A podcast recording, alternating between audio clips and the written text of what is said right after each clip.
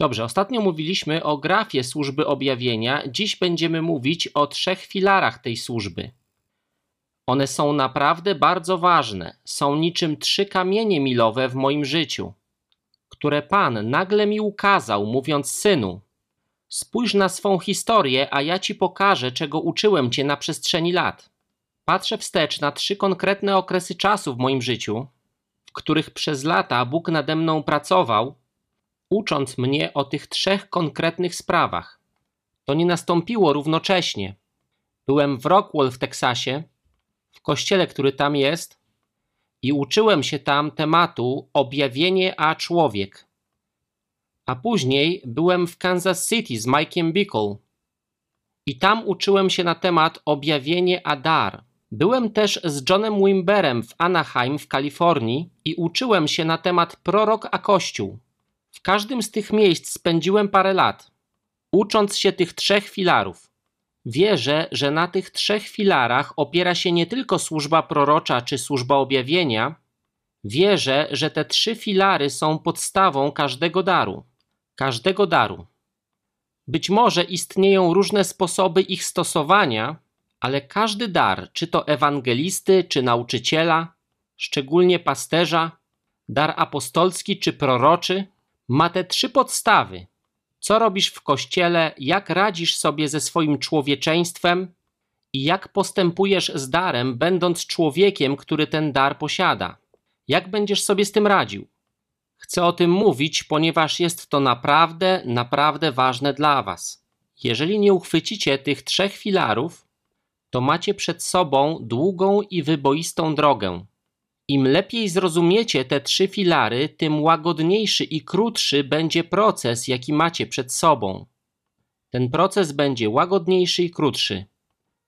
Filar numer jeden. Objawienie i Kościół albo prorok a Kościół. Używam słowa prorok w sensie ogólnym, ponieważ jak się dowiecie, nie lubię być nazywany prorokiem. Uważam, że jest to przedwczesne i na wyrost w stosunku do kogokolwiek z nas, ale w sensie ogólnym proroka Kościół. Co się tutaj dzieje i co ktoś taki powinien robić? Kościół lokalny dla wielu osób mających dar objawienia jest jednym z najmniej rozumianych obszarów. Skłonni są oni zadawać pytanie, w jaki sposób kościół lokalny pasuje do mojego daru, zamiast pytać, gdzie ja pasuję w lokalnym kościele. Myślą, że kościół istnieje dla nich, a nie, że oni istnieją dla kościoła. Pierwszy list do Koryntian 12:12. 12. Ciało jest jednością, choć składa się z wielu członków. Jesteście jednymi z członków w całym ciele. Tym ciałem jest Kościół.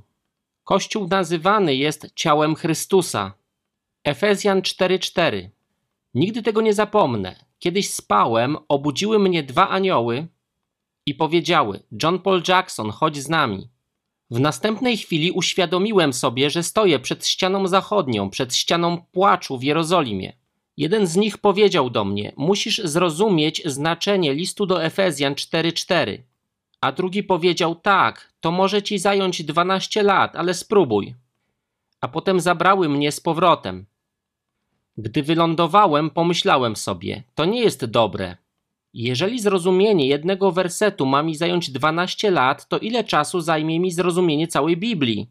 Nie ma dla mnie nadziei. A potem przypomniało mi się, że on powiedział: To może ci zająć 12 lat. Idąc tą drogą, uświadomiłem sobie, że to zależy ode mnie. Jeżeli będę głodny, zajmie mi to krótszy czas. Ale jeżeli będę to robił tak jak dotąd, zajmie mi to dłuższy czas postanowiłem zabrać się do tego z wielką pasją i gorliwością, aby dowiedzieć się, co oznacza ten jeden Kościół i jedna nadzieja powołania. Ustalić, o co w tym chodzi. Oczekują, że Kościół będzie się kręcił wokół nich często oczekują albo wręcz żądają dla siebie tytułu, aby Kościół nadał im tytuł i traktował ich zgodnie z tym tytułem. Nasz dar to nie tytuł przed nazwiskiem, ale funkcja, jaką wykonujemy. Niektórzy ludzie sądzą, że muszą mnie nazywać prorokiem Johnem Polem. Nigdy mnie tak nie nazywajcie. Występuję w telewizji i za każdym razem, dosłownie za każdym razem, nie będę podawał nazw kanałów, Ale większość kanałów w Daystar się nauczyli, żeby tego nie robić. Ale w innych kanałach ludzie pytają mnie, jakim tytułem mamy cię określić. Odpowiadam im, może John Paul Jackson. Nie rozumiesz, przed tobą przemawiał apostolski prorok taki to ataki. Wobec tego, jak mamy ciebie przedstawić? John Paul Jackson. Nie, jaki masz tytuł? John Paul Jackson. Musimy cię jakoś nazwać. Czy możemy nazwać cię prorokiem? Nie. To jak cię mamy określić? Może autor? Jestem autorem, bo piszę książki. Autor? Ale człowiek przed tobą to apostoł i biskup, a ten, który będzie po tobie, to apostolski prorok. Jesteś między nimi jak dziura w drodze. Powiedziałem: Cóż, pozwolę Bogu powiedzieć, kim jestem. Bo to, czego się nauczyłem. Jeżeli ja muszę wam powiedzieć, kim jestem, to mi nie uwierzycie. A jeśli to wy powiecie mi, kim jestem, to ja was nie przekonam, że tym kimś nie jestem. Widzicie, jest tak ważne, aby to zrozumieć. Dlatego Jezus powiedział: Kim ludzie mówią, że jestem? Czekał, aż ludzie to powiedzą. On tego nie mówił. Chciał, żeby ludzie to dostrzegli i wiedzieli.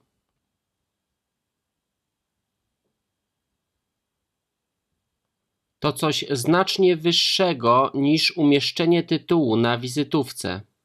Na mojej wizytówce jest napisane John Paul Jackson, prezes i założyciel Streams Ministries International. Numer telefonu, faks i nic więcej. Bo nie cierpię tytułów. A oto dlaczego ich nie cierpię. Z paru powodów. Jeden z nich to taki. Zauważyłem, że ludzie, którzy mają tytuły, prędzej czy później zaczynają sobie rościć prawa. A jeżeli rościsz sobie prawo do czegoś, to ktoś musi ci dać to, do czego rościsz sobie prawo. I zazwyczaj jest to ktoś inny niż ty.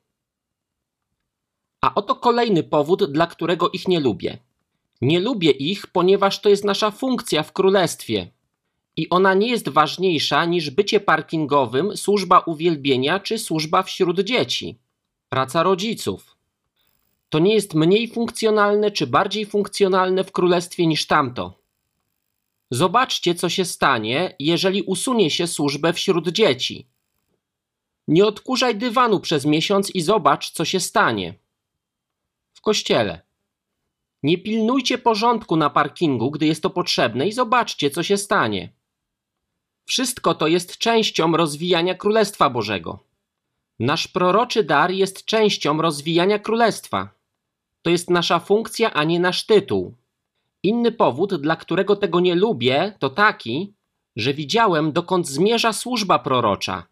Gdy mąż Boży lub kobieta Boża wypowiadają słowo, które nie pada na ziemię puste, gdy dzieją się znaki i cuda, przez ręce apostolskich i proroczych mężczyzn i kobiet. Wiecie, ja nie widzę, żeby było tego zbyt dużo.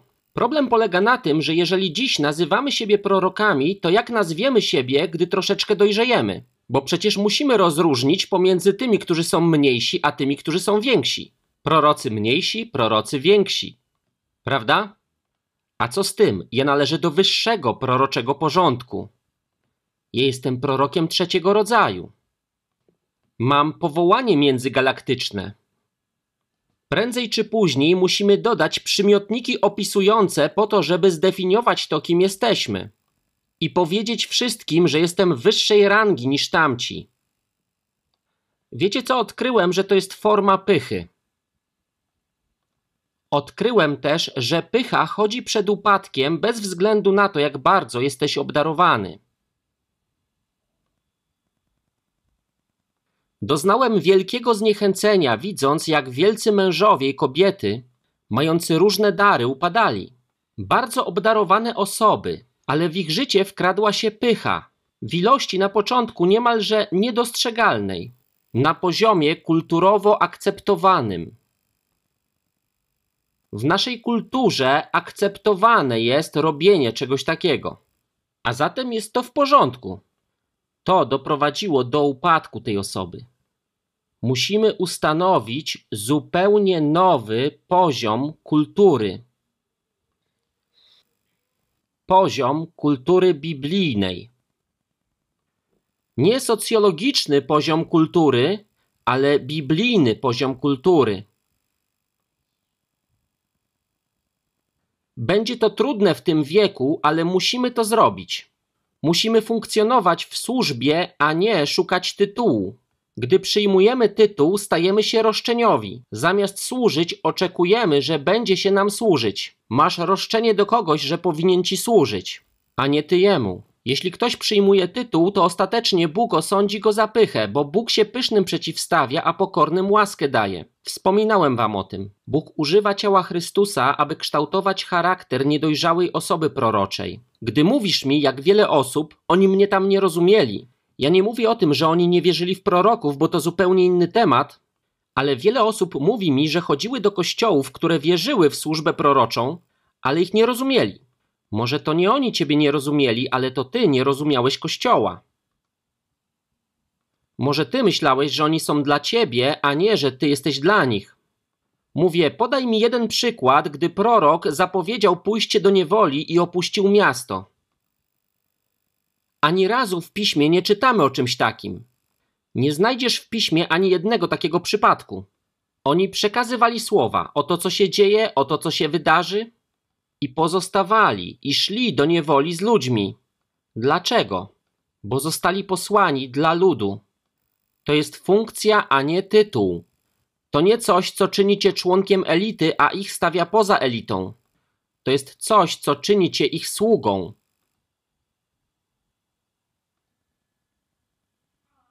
Kościół jest wybranym przez Boga narzędziem zmiany świata.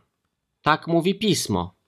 Nie apostołowie, nie prorocy, nie odizolowane jednostki, oni są częścią Kościoła. Oni wspomagają wspólnotową naturę Kościoła. Ale Bóg wybrał Kościół. Bóg wybrał Kościół, mistyczne ciało Chrystusa, aby rozszerzało Jego królestwo. Potrzebujemy się nauczyć, jak w nim funkcjonować. Jak pomóc temu ciału stać się tym, do czego Bóg je powołał. Mateusza 28, wersety od 19 do 20. Idźcie tedy i czyńcie uczniami wszystkie narody, chrzcząc je w imię Ojca i Syna i Ducha Świętego, ucząc je przestrzegać wszystkiego, co wam przykazałem. A oto ja jestem z wami zawsze, po wszystkie dni, aż do skończenia wieku. Nie jesteśmy wyłączeni spod tego przykazania. Tam nie jest napisane, wszyscy oprócz ludzi proroczych, idźcie na cały świat i czyńcie uczniami.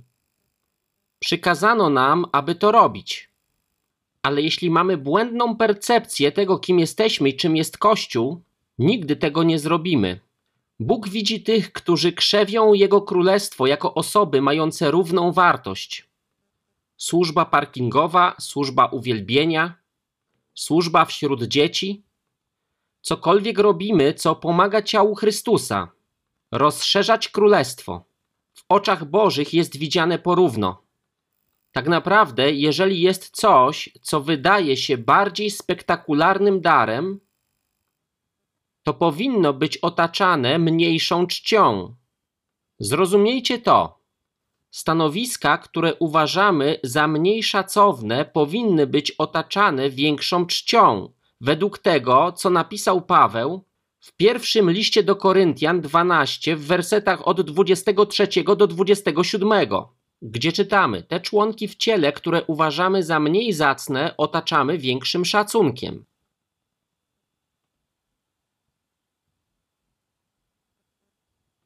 Te części kościoła, które uważamy za mniej czcigodne, powinniśmy otaczać większym szacunkiem.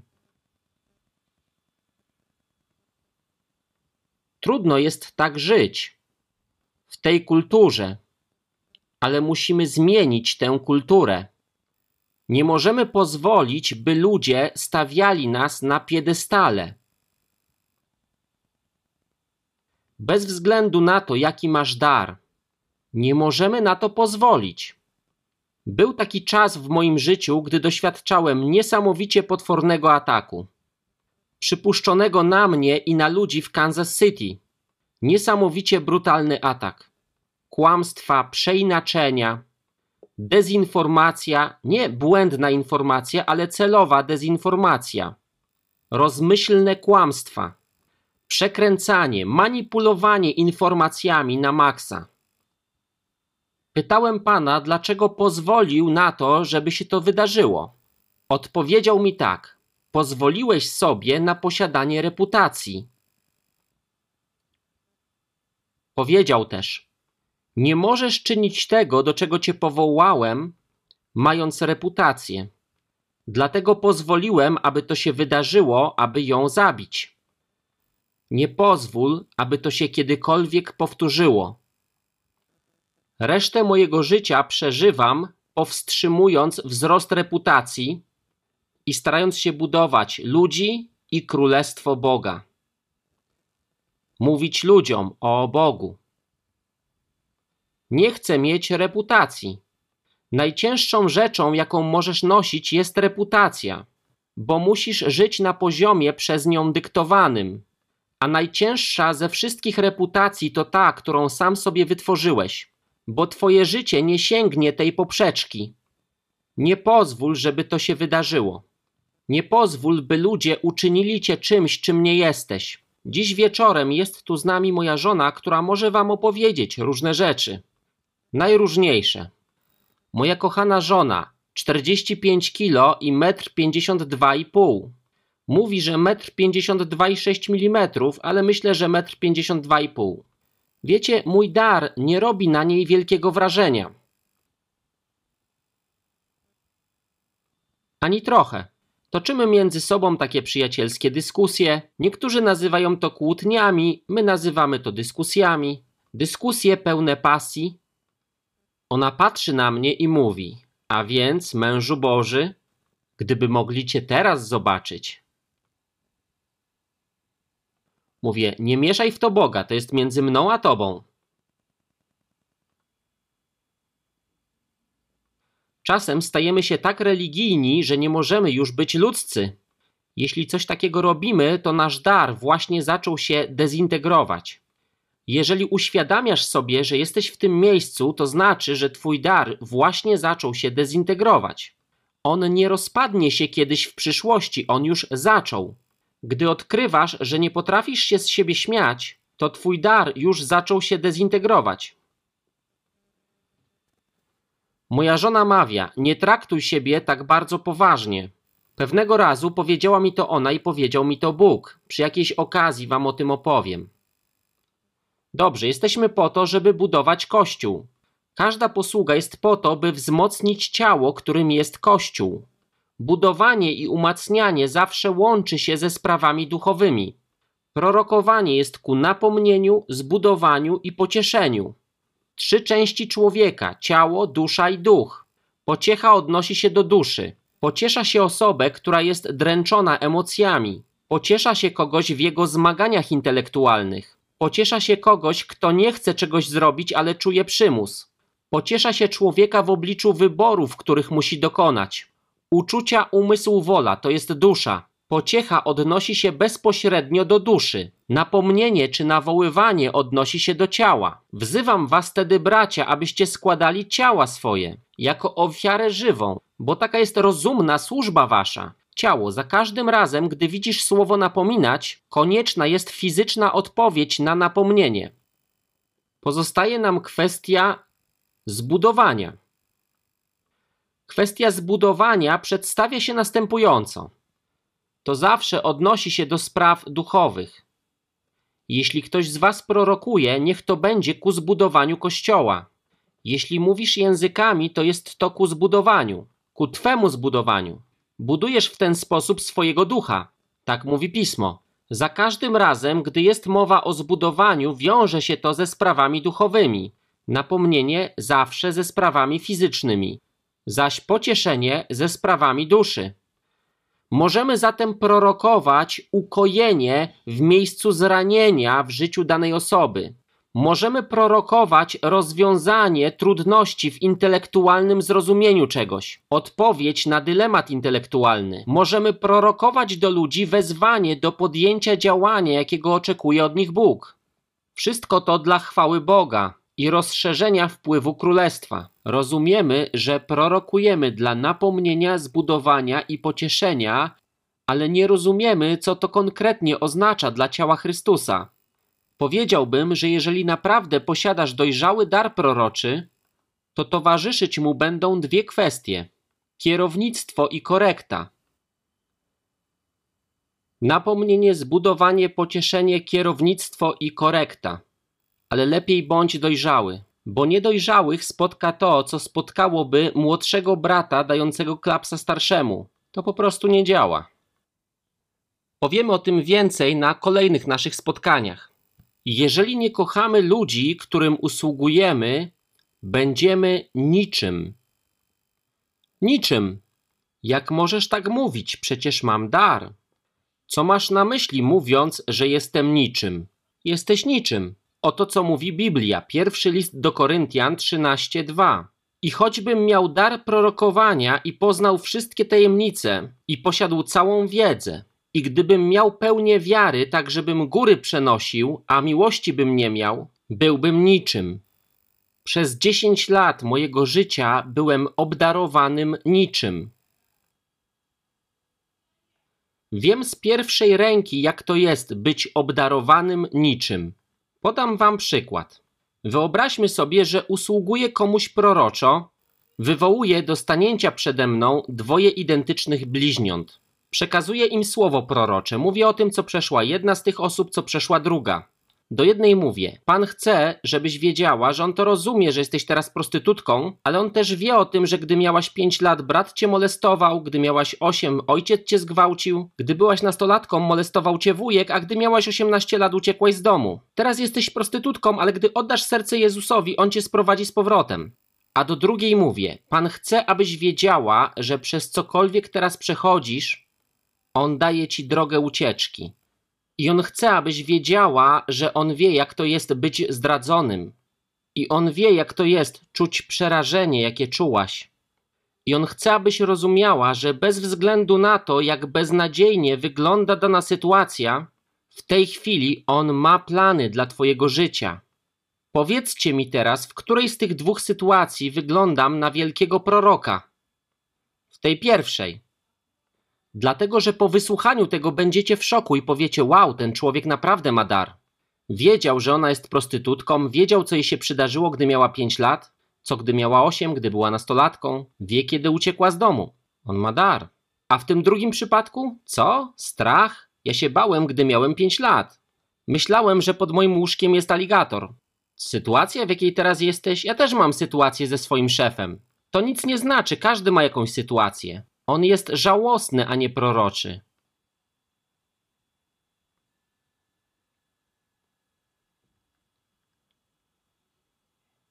Oto co się wydarzyło. W pierwszym przypadku poświęciłem osobę dla mojego dobra. W drugim przypadku poświęciłem siebie i moją reputację dla jej dobra. Jak myślicie, które słowo zmieni człowieka, pierwsze czy drugie? To drugie. Pierwsza odejdzie i powie sobie: Świetnie, Boże, jesteś Bogiem, który potrzebuje mieć wrogów. Druga odejdzie, mówiąc sobie: Bóg wie o mnie wszystko. Wszystko. On mnie kocha. Ma dla mnie plan, nie zawstydził mnie. Niesamowite, mógł powiedzieć wszystko, a nie zrobił tego. To jest osoba, która zostanie przemieniona. Problem polega na tym, że jeżeli jestem niepewny w moim darze, będę miał tendencję do poświęcania osoby, po to, by sprawić, żebyście myśleli, że jestem obdarowany. Jeżeli jestem pewny tego, kim jestem w Bogu, będę miał tendencję do tego, by kochać tę osobę bardziej niż siebie samego i poświęcę moją reputację w waszych oczach dla tej osoby. Nie zawsze jest to łatwe, gdy zaczynasz posługę objawienia. Nie zawsze jest to coś łatwego gdy jesteś w kościele. Jest to nawet trudniejsze, gdy wyruszasz w trasę i musisz zarobić na chleb i masz do opłacenia czynsz. Wracasz i wciąż nie masz pieniędzy, by go zapłacić.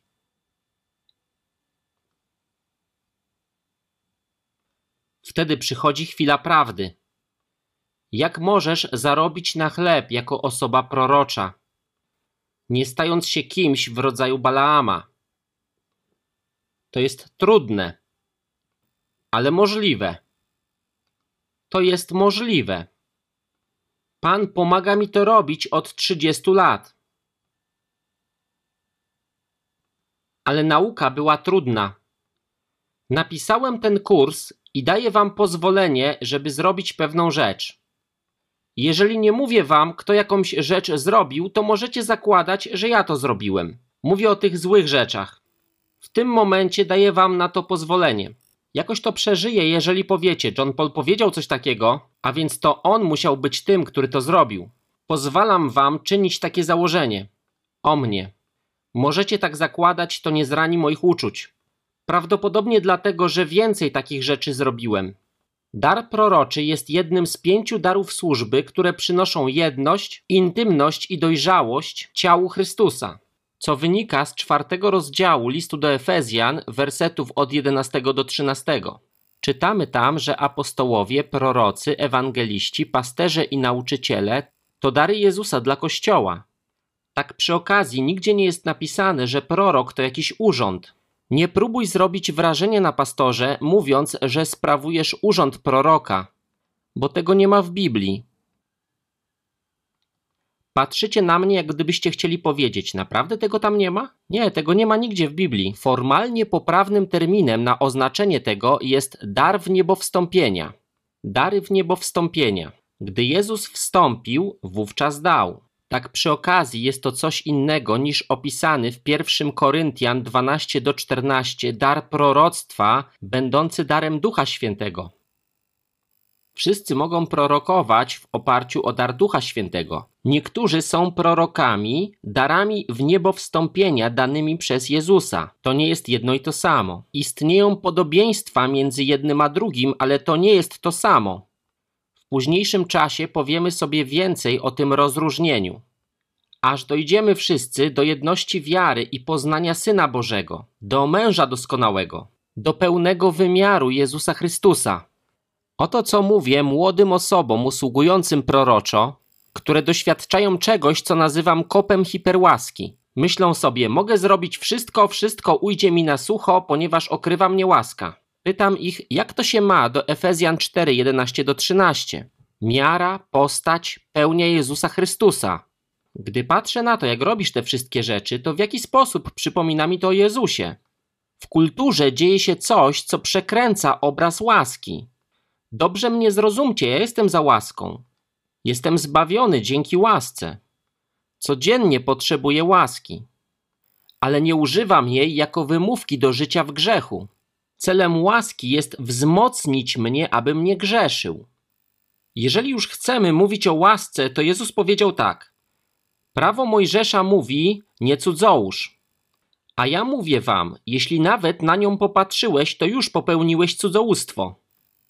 A zatem, jeśli już, to łaska jest nieco bardziej rygorystyczna.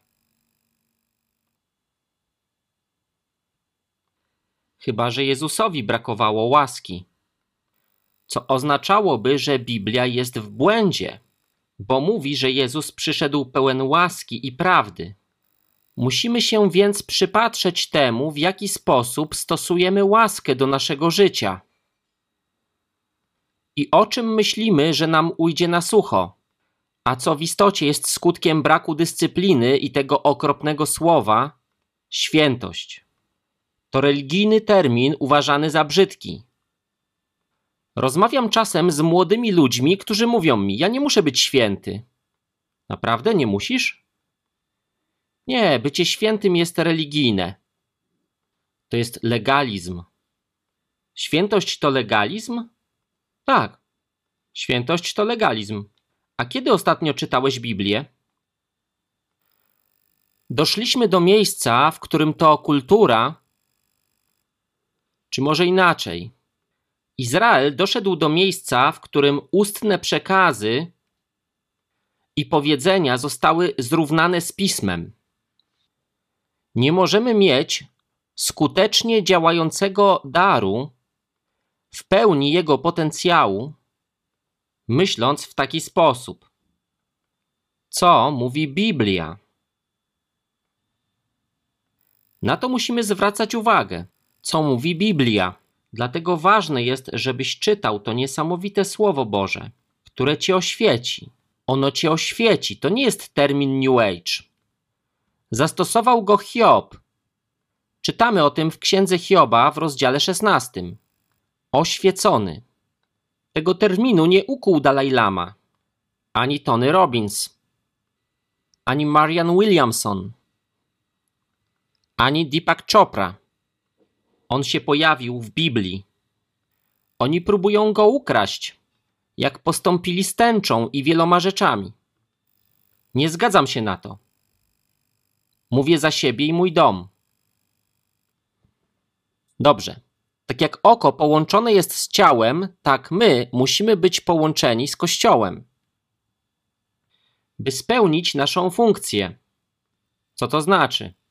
Znam wielu proroczych ludzi, którzy mówią, że widzą, ale to jest trochę tak, jakbym wyciągnął oko z oczodołu i położył je tu na pulpicie.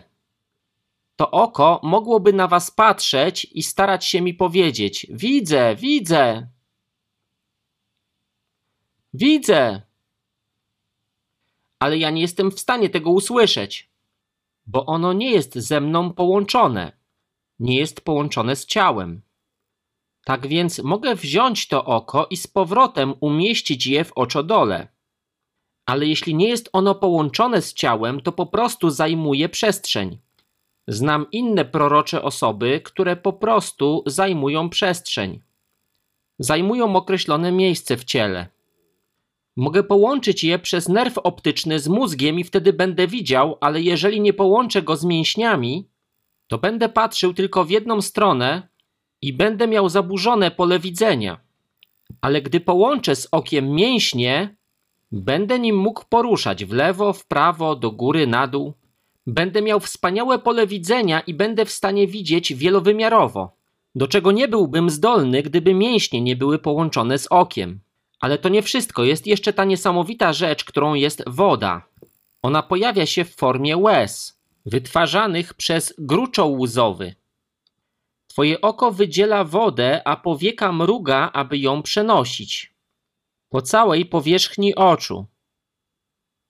Aby twe oczy nie wyschły, bo jeśli wyschną, to nie będziesz zbyt dobrze widział i staniesz się jak suszona śliwka. Znam wielu proroczych ludzi, którzy są jak suszone śliwki. I nie tylko to, ale jeśli coś leci w kierunku oka, to powieka może mrugnąć, aby ochronić oko. A jeśli ten obiekt jest zbyt duży, to możesz podnieść rękę i go odepchnąć.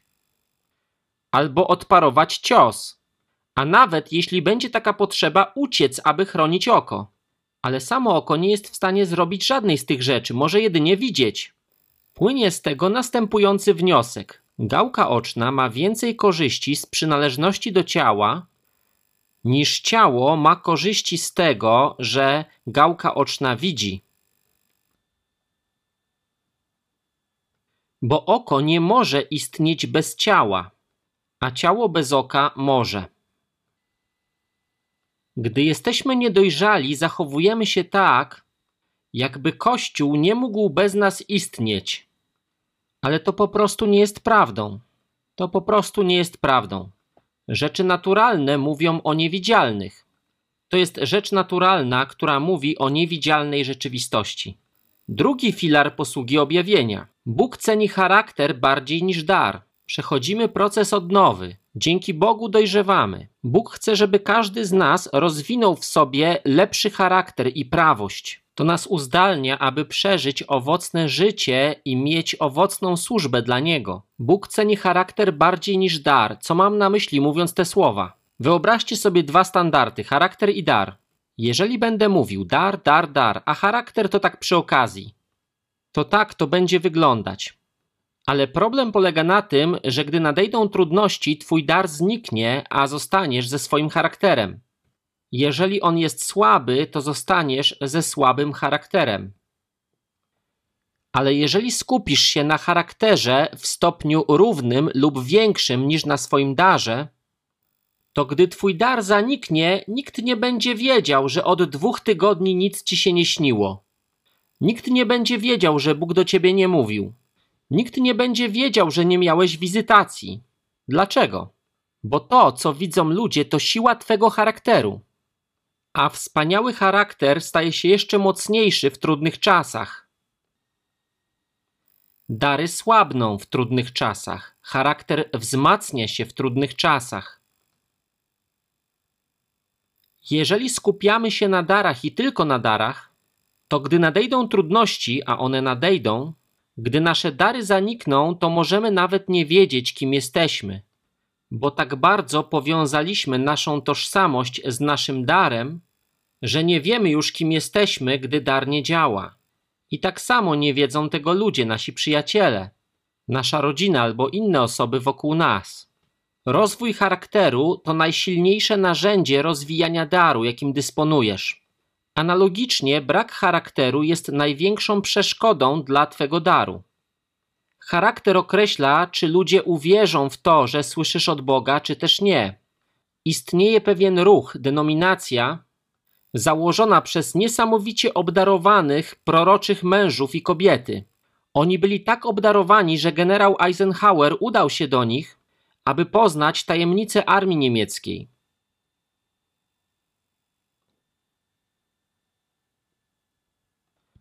A gdy został prezydentem, też konsultował się z nimi w różnych sprawach. Przy innych konfliktach. Pomyślicie, a to nic takiego. Nie, to było naprawdę coś bo ten proroczy człowiek nie miał węchu, a miał papugę, którą trzymał bez klatki i nigdy po niej nie sprzątał. Więc gdy Eisenhower wchodził do jego domu, to ten dom był pełen ptasiego gnoju. Smród był okropny, ale jego dar był tak duży, że Eisenhower i tak go odwiedzał aby usłyszeć, co on ma do powiedzenia. Oni, ten ruch, ta denominacja, piszą dziś artykuły przeciwko służbie apostolskiej i proroczej, twierdząc, że dziś istnieją tylko trzy dary: ewangelista, pasterz i nauczyciel. Jak można przejść od człowieka, który proroczo doradza prezydentowi, do bycia kimś, kto wierzy w trzy dary z pięciu? To się zdarza, gdy nie rozróżniasz między dojrzałością, niedojrzałością a darem i nie widzisz, jak to wszystko się ze sobą zazębia. Musimy czynić rozróżnienie między charakterem a obdarowaniem i umieścić charakter ponad darem. Studiuj swój dar, pracuj nad charakterem. Studiuj swój dar, pracuj nad charakterem. Rozwój charakteru wymaga czasu i rozwój daru również wymaga czasu. Ale powiem wam, że ciężej jest otrzymać charakter niż dar, bo musisz go wypracować. Charakter jest najtrudniejszy do zdobycia i najłatwiejszy do utraty. Obdarowanie zaś jest najłatwiejsze do uzyskania i najtrudniejsze do utraty, bo dary są nieodwołalne. Musimy skupiać się nieustannie na kwestiach charakteru, aby zapobiec odrzucaniu przez Kościół służby objawienia z powodu niedostatków charakteru u ludzi proroczych. Bóg nazwał swych proroków w piśmie świętymi. Święci prorocy. Potrzebujemy walczyć o świętość. Nie wierzę, że możesz stać się święty. Wierzę, że jedynym sposobem na to, by stać się świętym, jest zbliżanie się do tego, który jest święty. Wtedy nasiąkniesz tą świętością. W ten sposób tracisz pragnienie rzeczy, jakich kiedyś pragnąłeś. Zbliżając się do tego, który jest święty, tracisz rzeczy, które czynią cię nieświętym. Nie możesz sam siebie uczynić świętym. Widzicie, myśleliśmy, że świętość polega na tym, jak się zachowujesz. Ale to nie jest to. Świętość jest owocem bycia blisko tego, który jest święty. Zbliż się do niego. A tak się stanie. Dlatego nie podoba mi się myśl, że nie muszę być blisko Boga, wystarczy, że dotrę do Jego drzwi. Jeżeli będę ostatnią osobą przed zamknięciem drzwi, to będę szczęśliwy. Mając takie nastawienie, nigdy nie będziesz mocny w swoim darze. Poza tym nigdy nie wiesz, czy się załapiesz przed zamknięciem, czy nie. To tak jak wtedy, gdy chcesz być w szkolnej drużynie baseballu czy koszykówki, Idziesz do tablicy ogłoszeń i sprawdzasz, czy twoje nazwisko jest na liście, czy się załapałeś. Poradzę sobie z niezałapaniem się na listę w szkole, ale nie poradzę sobie z niezałapaniem się na listę do wieczności. W szkole zawsze można spróbować za rok, ale wieczność nie daje ci drugiej szansy. Rozwijanie charakteru zawiera w sobie nasze finanse, zawiera w sobie małżeństwo, wychowywanie dzieci, nasz biznes czy naszą pracę, naszą osobowość, obejmuje też kwestie etyczne, jak również to, jak używamy daru, by pomagać innym. Jeżeli w czasie napięcia koncentrujesz się wyłącznie na darze, to gdy twój dar zaniknie, to tak jak powiedziałem, wszystko co ci pozostanie to słaby charakter. Charakter pomaga nam skupić się na prawości i chroni nas przed grzeszeniem przeciwko ludziom. To jest boska cnota, jaką chcemy mieć. Samuel podkreślił wagę kwestii charakteru, gdy rzucił ludowi wyzwanie: Co macie przeciwko mnie? Czy w jakikolwiek sposób przeciwko wam zgrzeszyłem? 1 Samuela 12:3 Czy bylibyście w stanie stanąć przed waszymi partnerami, przed kościołem, przed waszym szefem, kolegami w pracy i powiedzieć to samo? Potrzebujecie zadać sobie takie pytanie. Jeżeli bez zastanowienia nie jesteście w stanie powiedzieć tak, to musicie nad tym popracować. Bóg szuka mężczyzn i kobiet mających charakter równy lub większy od ich obdarowania. Gdy wzrasta Twój charakter, rozwija się też Twój dar, jak również zdolność do przyjmowania objawienia i częstotliwość objawień. Charakter określa poziom Twojego daru i długość czasu, w którym ten dar będzie działał. Charakter określa zasięg Twojego wpływu. Cokolwiek Bóg Ci obiecał, przygotuje Cię, abyś mógł to przyjąć, celowo dopuszczając do powstania w Twoim życiu sytuacji służących do rozwoju Twego charakteru. Pozwala, by rzeczy się działy po to, by rozwinąć w Tobie charakter. Pozwolił, aby pewne rzeczy przytrafiły się Józefowi, aby rozwinąć w nim zdolności przywódcze, które ten miał wykorzystać, gdy faraon otworzył przed nim drzwi. Bez tej sytuacji z żoną Potyfara nigdy nie stałby się drugim po faraonie. Psalm 105:19 mówi tak: Aż do czasu, gdy słowo Pana wypełniło się, ono go próbowało. Tu jest mowa o Józefie. Słowo próbować dosłownie znaczy oczyszczać. Słowo Pana go oczyściło. Od czego? Od wszystkiego, co przeszkadzałoby mu w wypełnieniu powołania. Oczyściło go od jego arogancji, bo mawiał: Hej, patrzcie na mnie, na mój piękny płaszcz. Ono go oczyściło od arogancji, bo mawiał: Hej, miałem sen, że wy wszyscy mi się pokłonicie. Oczyściło go od arogancji, bo mawiał: Hej, tak przy okazji miałem inny sen o tym, że wszystkie narody mi się pokłonią, królowie świata mi się pokłonią. Czy to nie jest wspaniałe? Oczyściło go. Dlaczego? Bo gdyby tak się nie stało, to gdy przyszedł czas głodu, a Józef ponownie ujrzał swoich braci, to zamordowałby całe rody, zamiast je utrwalić. Józef mógłby zabić ród Abrahama, gdyby arogancja nie została z niego usunięta. Ale ponieważ Bóg to z niego usunął, oczyścił go, ród przeżył.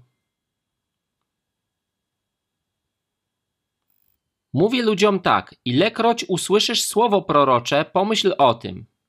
Niech zacznie się oczyszczenie, bo słowo prorocze czyni cię czymś, czym jeszcze nie jesteś.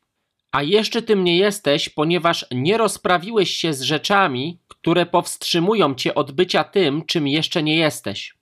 Dlatego Bóg mówi ci rzeczy, których jeszcze nie ma, tak jakby już były, a potem one się wydarzają spełniają się. Coś, czym jeszcze nie jesteś. Gdy byłem w szkole średniej, mój trener mawiał: Jackson, chłopie, jesteś pełen potencjału. Mówiłem tak, trenerze. A wiesz, czym jest potencjał? On jest czymś, czym się stanę. Byłeś blisko. Potencjał to coś, czym jeszcze nie jesteś. Tego właśnie jesteś pełen.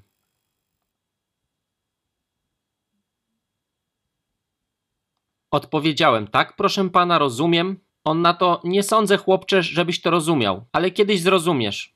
Miał rację. Miał rację. Widzicie, gdy Słowo Boże się wypełnia, przynosi to chwałę Bogu. Ale jeśli w życiu danej osoby spełnia się słowo prorocze i ta osoba przynosi przerażenie, to taka sytuacja nie przynosi Bogu chwały. To jak syn, który zniesławia ojca. Wierny syn przynosi ojcu chwałę, ale syn bezczelny przynosi ojcu wstyd. Wszystkie słowa prorocze zaczynają się od oczyszczenia. Zwróćcie uwagę na to. Tego nie ma w waszych notatkach. Osoby przyjmujące słowo prorocze zostaną oczyszczone od tego wszystkiego, co przeszkadzałoby w wypełnieniu się słowa. W procesie oczyszczenia otrzymają wszystko, czego potrzebują, aby słowo mogło się wypełnić. On da ci wszystko, czego potrzebujesz, aby słowo mogło się wypełnić. Bóg nieustannie będzie sprawdzał, czy jesteś gotów chodzić w obietnicy awansu. Bóg używa słabości innych, aby ujawnić nasze słabości. Dzięki temu możemy się za nie zabrać i je przezwyciężyć. Dopóki Bóg nie wskaże nam naszych braków, one będą w nas pozostawać. W pewnym okresie czasu Tymoteusz zmagał się. Pierwszy i drugi list do Tymoteusza powstały, gdy był on liderem kościoła w Efezie. On zmagał się w swej posłudze i zastanawiał się, dlaczego sprawy nie obróciły się w taki sposób, jak tego oczekiwał. Zwłaszcza po tym, jak apostoł Paweł nałożył na niego ręce. Paweł przypomniał Tymoteuszowi w dwóch różnych listach, że powinien on rozniecić płomień daru Bożego, rozbudzić w sobie ten dar, roznieć dar, którego ci udzieliłem przez nałożenie rąk. 2 Tymoteusza 1,6. Przypomniał mu, co myślisz? Bo Tymoteusz myślał, że nic z tego, co Paweł przepowiedział, się nie wypełnia.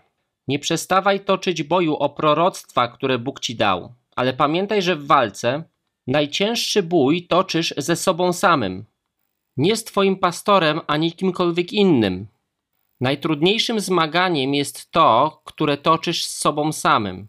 Przechodząc przez ten trudny czas, pamiętaj o tym. Im wyższa góra, tym głębsza dolina. Co oznacza, że jeśli przechodzisz przez głęboką dolinę, to masz przed sobą wysoką górę. Po drugie, głębokość doliny jest wprost proporcjonalna do wysokości góry.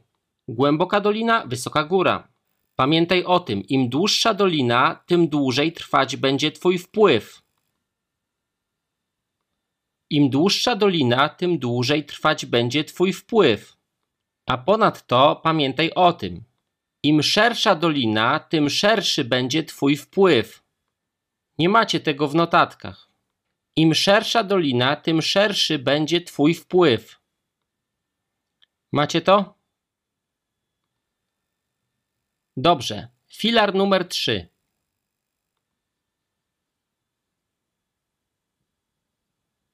Filar numer 3. Ani w sferze naturalnej, ani w sferze duchowej nie ma darów, które są od razu dojrzałe. Obdarowanie jest progresywne, dojrzewające, a nie natychmiastowe. Wow. Niektórych to szokuje. Uszy, które słuchają, doskonalone są w procesie rozwoju owocu ducha, o jakim mowa w Galacjan 5:22-23. Nie mów mi, że jesteś duchowy, jeżeli nie masz owocu, który tego dowodzi. Ludzie duchowi przynoszą duchowy owoc. Możesz starać się być duchowy, możesz wzrastać, możesz być w drodze, ale jeszcze tam nie dotarłeś. Jak powiedziałby mój trener, jesteś pełen potencjału, ale jeszcze tam nie jesteś. Miłość. Czym jest miłość? Dziewięć owoców ducha. Miłość to pokorna troska o innych bardziej niż o siebie. Pokorna troska o innych bardziej niż o siebie. Kolejny owoc ducha radość. Radość jest zaraźliwa. Inni ją odczuwają i przyjmują, gdy są blisko ciebie. Radość jest zaraźliwa. Inni ją przyjmują, gdy są blisko ciebie. Czym jest pokój? Pokój to uciszenie w sytuacji, gdy okoliczności życiowe nie układają się tak, jak tego oczekiwałeś. Pokój to uciszenie, gdy życiowe wydarzenia nie układają się tak, jak oczekiwałeś. Czym jest cierpliwość? Cierpliwość to stałość w obliczu zdrady bądź głębokiego rozczarowania.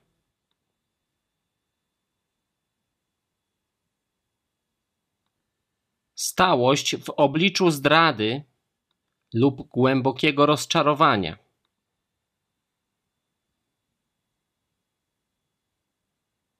Czym jest uprzejmość? Uprzejmość to łagodna postawa wobec innych, którzy są słabsi bądź mniej uzdolnieni. Łagodna postawa wobec tych, którzy są od ciebie słabsi lub mniej od ciebie uzdolnieni.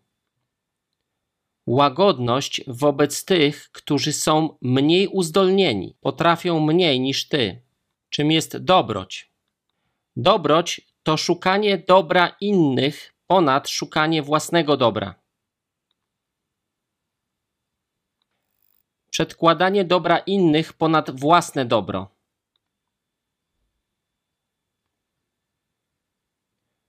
Czym jest wierność?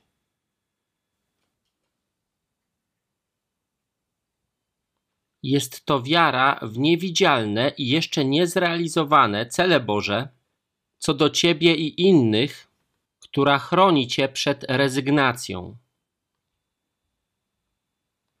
Wierność. Wiara w niewidzialne i jeszcze niewidoczne cele Boże co do ciebie i innych, która chroni cię przed rezygnacją.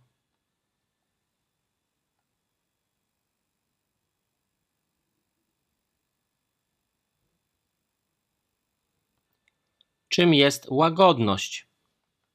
Łagodność to cichość lub miękkość. Cichość lub miękkość. Uwidaczniająca się w naszym postępowaniu względem tych, którzy się z nami nie zgadzają. Cichość lub miękkość uwidaczniająca się w tym, jak postępujemy z tymi, którzy się z nami nie zgadzają. Samokontrola, opanowanie. Dziewiąty owoc. Umiarkowanie, zdolność panowania nad naszymi pasjami i pragnieniami. Samokontrola, opanowanie, zdolność panowania nad naszymi pasjami i pragnieniami. Nad głębokimi emocjami i pragnieniami to opanowanie, czyli zdolność panowania nad głębokimi emocjami i pragnieniami. To dziewięć owoców Ducha Świętego. Jeżeli masz te dziewięć owoców, to nie będziesz miał żadnego problemu z tym, żeby pastor zaczął cię słuchać. Potrzebujemy wzrastać w naszym rozumieniu daru oraz w zdolności komunikowania. Tutaj nie chodzi o owoc ducha, bo możesz być bardzo dobry i łagodny, kochający i cichy, ale nie umieć się komunikować, a wtedy nikt cię nie zrozumie. Paweł pisze, że trąba musi wydawać wyraźny dźwięk. Bóg chce, żeby ludzie podjęli działanie w oparciu o słowo prorocze, które im przekazujemy. Nie chodzi o to, żeby powiedzieli sobie: O, miłe słowo prorocze. Bóg chce, żeby w oparciu o nie działali. Aby podjęli działanie, musi ono być czymś więcej niż tylko objawieniem. Po pierwsze, musi być ono objawieniem. Objawienie, sen, wizja, trans i tak dalej. Numer dwa, interpretacja. Ktoś musi ci powiedzieć, co to znaczy. Możesz to otrzymać od Boga, od anioła, przez Ducha Świętego, przez kogoś, kto ci pomoże ale ktoś to musi zinterpretować. Numer 3. Zastosowanie. Czym jest zastosowanie? Kto, co, kiedy, gdzie i dlaczego należy podjąć jakieś działanie? Byłbym rozgniewany, gdybyś miał pójść na wojnę przeciwko Amalekitom, a zamiast tego poszedł na wojnę przeciwko Amorytom. Musisz wiedzieć kto, gdzie, kiedy, aby to robić. Co Bóg chce, żebyś zrobił z tym objawieniem? Numer 4. Proklamacja. Zdolność jasnego komunikowania, tak aby ludzie zrozumieli, co Bóg przez ciebie mówi. 1 Koryntian 14:8 Trąba musi wydawać wyraźny dźwięk. Dojrzałość sprawia, że jesteś w stanie jasno komunikować. Dojrzałość, czy też proces dojrzewania, pomaga ci jasno komunikować. Zmienisz życie ludzi wprost proporcjonalnie do stopnia, w którym Twoje życie zostało przemienione. Zmienisz życie ludzi wprost proporcjonalnie do stopnia, w którym Twoje życie zostało przemienione. Jeżeli w Tobie nie ma przemiany, to nie będziesz w stanie uwalniać przemiany do życia innych, bo Bóg działa przez Ciebie. Dojrzewanie w darze nie oznacza jedynie otrzymania snu lub objawienia o określonym ciężarze, czy też doniosłości. Potrzebujemy zrozumieć biblijną różnicę między snami, wizjami, przeniesieniami, przemianami, transami i ekstazami. Musimy zrozumieć, jakie są różnice. Proces dojrzewania obejmuje rozważania, na przykład co do tego, kiedy mamy się podzielić tym, co otrzymaliśmy. Daniel miał zapieczętować coś aż do czasów końca, wiedząc, że nigdy tego nie objawi. Pan powiedział do Daniela w Daniela 12: Zapieczętuj to aż do czasów końca. Co za zderzenie ze ścianą. Wolałbym tego nie otrzymywać. Musimy wiedzieć, komu to objawić. Potrzebujesz znać właściwy protokół dzielenia się objawieniem. Czy osoba, której przekazujesz objawienie, przyszła do ciebie, wtedy masz większe przyzwolenie na to, żeby coś zrobić. Czy to my poszliśmy do tej osoby mówiąc, czy mogę ci coś powiedzieć? Jak przekazać słowo bez wprawiania kogoś w zakłopotanie, zwłaszcza jeśli mamy to zrobić publicznie? Trzeba to mądrze przemyśleć, potrzebna jest dojrzałość, rozsądek. Zbyt wielu ludzi słyszących od Boga ma mentalność Samsona zamiast mentalności Samuela. Co mam na myśli mówiąc o mentalności Samsona? Samson miał wielki dar, ale słaby charakter, co ostatecznie doprowadziło do jego śmierci. Natomiast Samuel dorastał w czasie wielkiej potrzeby zmiany. Samson był mężem Bożym, który otrzymał wielką moc, ale miał słaby charakter i troszczył się tylko o siebie. Samson zszedł ze sceny, gdy Samuel na nią wszedł. Samson był ostatnim sędzią przed nadejściem Samuela. Samuel, mówiąc obrazowo, odziedziczył bałagan po Samsonie. Żyjemy w czasach licznych walk między kościołami, zazdrości i budowania imperiów. Samuel pojawił się w czasie bratobójczych walk, wojny Beniaminitów z Izraelitami. W tamtym okresie czasu nie działo się zbyt dobrze. Brakowało silnego przywództwa. Jest to wyraźne, ponieważ czytamy, że każdy czynił to, co uważał za słuszne w swoich własnych oczach. Ostatni werset w Księdze Sędziów mówi, że każdy czynił to, co było słuszne w jego własnych oczach. Autor Księgi Sędziów tym właśnie wersetem zamknął swoją księgę. To brzmi jak opis tego, co mamy dzisiaj. Za rządów Samuela powstały szkoły prorockie. Mówiliśmy o tym wcześniej. W tych szkołach on rozwinął odpowiedzialność, rozliczanie się i prawość, zgodność prorokowania z Biblią oraz łagodność wobec innych. Chociaż Bóg objawił się Samuelowi i przemówił do niego, Samuel wciąż musiał wzrastać wobec Boga i ludzi. Koncepcja dojrzewania naszego daru i charakteru nie jest niczym nowym. Po prostu była przez długi, długi czas ignorowana. Sam Pan Jezus musiał przejść przez proces dojrzewania. Skąd wiemy? Czytamy o tym w Łukasza 2:52. Jest tam napisane, że Jezus czynił postępy w mądrości, w postawie i w łasce u Boga i u ludzi. Jedynie wtedy, gdy przyjmiemy zmianę charakteru, jaką Pan przynosi do naszego życia, Kościół będzie chciał zmienić to, w jaki sposób przyjmuje, słucha i odpowiada na wezwania osób mających jakąś miarę daru proroczego od Boga.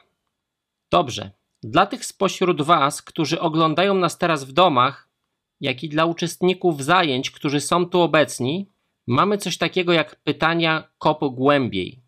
Macie je w skrypcie 13 pytań, na które możecie sobie sami odpowiedzieć. To będzie wymagało od Was samodzielnych poszukiwań. Robimy to celowo, aby pomóc Wam studiować Wasz dar. 13 pytań, na które musicie odpowiedzieć. Na większość z nich znajdziecie odpowiedź, słuchając ponownie albo przypominając sobie to, co do Was mówiłem w czasie tych zajęć. Ale nie na wszystkie. Pytanie 13 daje Wam próbkę.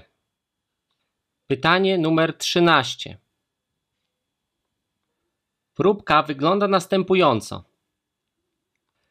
Jak długi był proces między nawiedzeniem Samuela przez Pana, a jego ustanowieniem jako proroka i posłaniem? Byłoby wam ciężko znaleźć odpowiedź, więc wam powiem. 25 lat. 25 lat. Myślimy, że Bóg do niego przemówił, a zaraz potem wszyscy mu uwierzyli. Minęło 25 lat od pierwszej wizytacji, jakiej doświadczył Samuel, mówiącej o Helim i Izraelu, do dnia, w którym cały Izrael od Dan do Berszeby zrozumiał, że Bóg ustanowił Samuela jako swojego proroka. Do Jeremiasza Bóg powiedział: Nie pozwól, żeby ci mówili, jesteś za młody, uczyniłem twarz twoją niczym krzemień. Nie zwracaj się ani na lewo, ani na prawo, ustanowiłem cię, żebyś wyrywał i sadził. U tego Jeremiasza upłynęło 17 lat od dnia, gdy usłyszał od Boga, do dnia, gdy zaczęto go słuchać. Myślimy, że ponieważ coś jest zapisane parę wersetów później, to znaczy, że to się wydarzyło na zajutrz, nie wiedząc, że upłynęły dwie dekady. Mojżesz miał 40 lat. Popatrzcie na biogram tych głosów proroczych, a zobaczycie, że to się nie działo tak szybko, jak moglibyśmy to sobie wyobrażać. Dobrze, podzielimy się na grupy trzyosobowe. Grupy trzyosobowe. Skład dowolny, choć wolałbym, żebyście się nawzajem nie znali. Oto dlaczego, bo chcę, żebyście odpowiedzieli na pytania, które macie w skrypcie, sześć pytań. Chcę, żebyś zadał te pytania komuś, kogo nie znasz. Oto jak to zrobicie. Powstańcie i jeśli spojrzysz komuś w oczy, to ta osoba jest w twojej grupie. Nie wpatrujcie się w podłogę, bo wtedy ja was skieruję do jakiejś grupy. Dobrze, powstańcie, rozejrzyjcie się. Znajdź kogoś, kto jest za tobą, bądź gdzieś daleko, w innej części pomieszczenia. Odpowiedzcie na te sześć pytań i wróćcie. Jeżeli oglądacie to teraz w domach, to też odpowiedzcie na te sześć pytań. Jeżeli oglądacie to w większej grupie, podzielcie się na grupki trzyosobowe i odpowiedzcie sobie na te sześć pytań. Witajcie. Wykład o trzech filarach posługi objawienia to dla Was trochę nieco ponad godzinę oglądania. To nie mało, ale mnie napisanie tego zajęło dziesięciolecia bolesnych doświadczeń wzrostu. To jedna z najważniejszych lekcji w całym tym kursie. Powtórzmy ją. Najistotniejsze punkty. Objawienie i Kościół. Nie chodzi o to, jak Kościół pasuje do mojego daru, ale o to, jak ja z moim darem pasuję do Kościoła. Jesteśmy służbą i funkcją w Kościele, nie szukamy tytułów. Jesteśmy po to, żeby budować Kościół i całe objawienie ostatecznie powinno służyć temu celowi. Potrzebujemy być połączeni z Kościołem, aby wypełnić naszą funkcję, którą nie jest bycie samotnym jeźdźcem. Objawienie i człowiek. Bóg ceni Twój charakter bardziej niż Twój dar. Jeżeli w czasie napięcia całkowicie koncentrujesz się na darze, to gdy Twój dar zaniknie, zostaniesz ze słabym charakterem. A to nic miłego. Dlatego Bóg używa słabości innych, aby ujawnić nasze słabości, a potem umacnia nas w tych obszarach. Czyni to, abyśmy mogli rozprawić się z naszymi słabościami, bo wszyscy je mamy. Im wyższa góra, tym głębsza dolina. Im dłuższa dolina, tym większy wpływ. Pamiętaj, głębokie doliny wcale nie są takie złe, szczególnie dla proroków. Kolejna rzecz objawienie i dar. W sferze naturalnej nic nie rodzi się dojrzałe i w sferze ducha tak samo. Uszy, które słyszą Boga, rozwijają się wraz z dziewięcioma owocami ducha. Mówię wam i chcę to ponownie zaakcentować. Nie mów mi, że jesteś duchowy, póki nie ujrzę w tobie owocu który ma duchową naturę. Dojrzewanie w darze to coś więcej niż otrzymanie snu lub objawienia wielkiej wagi. Zawiera ono w sobie rozumienie różnicy pomiędzy różnymi duchowymi doświadczeniami, znajomość właściwego protokołu, tego kiedy przekazać słowo i wielu innych rzeczy. Posiadanie mentalności Samuela, a nie Samsona. Samuel miał charakter i skończył jako silny człowiek. Samsonowi brakowało charakteru i nie skończył jako ktoś silny. Wypełnijcie pytania do dyskusji na stronie 29. Macie też kartę aktywności o nazwie Dar Objawienia. Ta dodatkowa aktywność wskaże Wam na cztery obszary, w których możecie praktycznie ćwiczyć Wasz dar. Do zobaczenia następnym razem. Niech Bóg błogosławi Was wszystkich.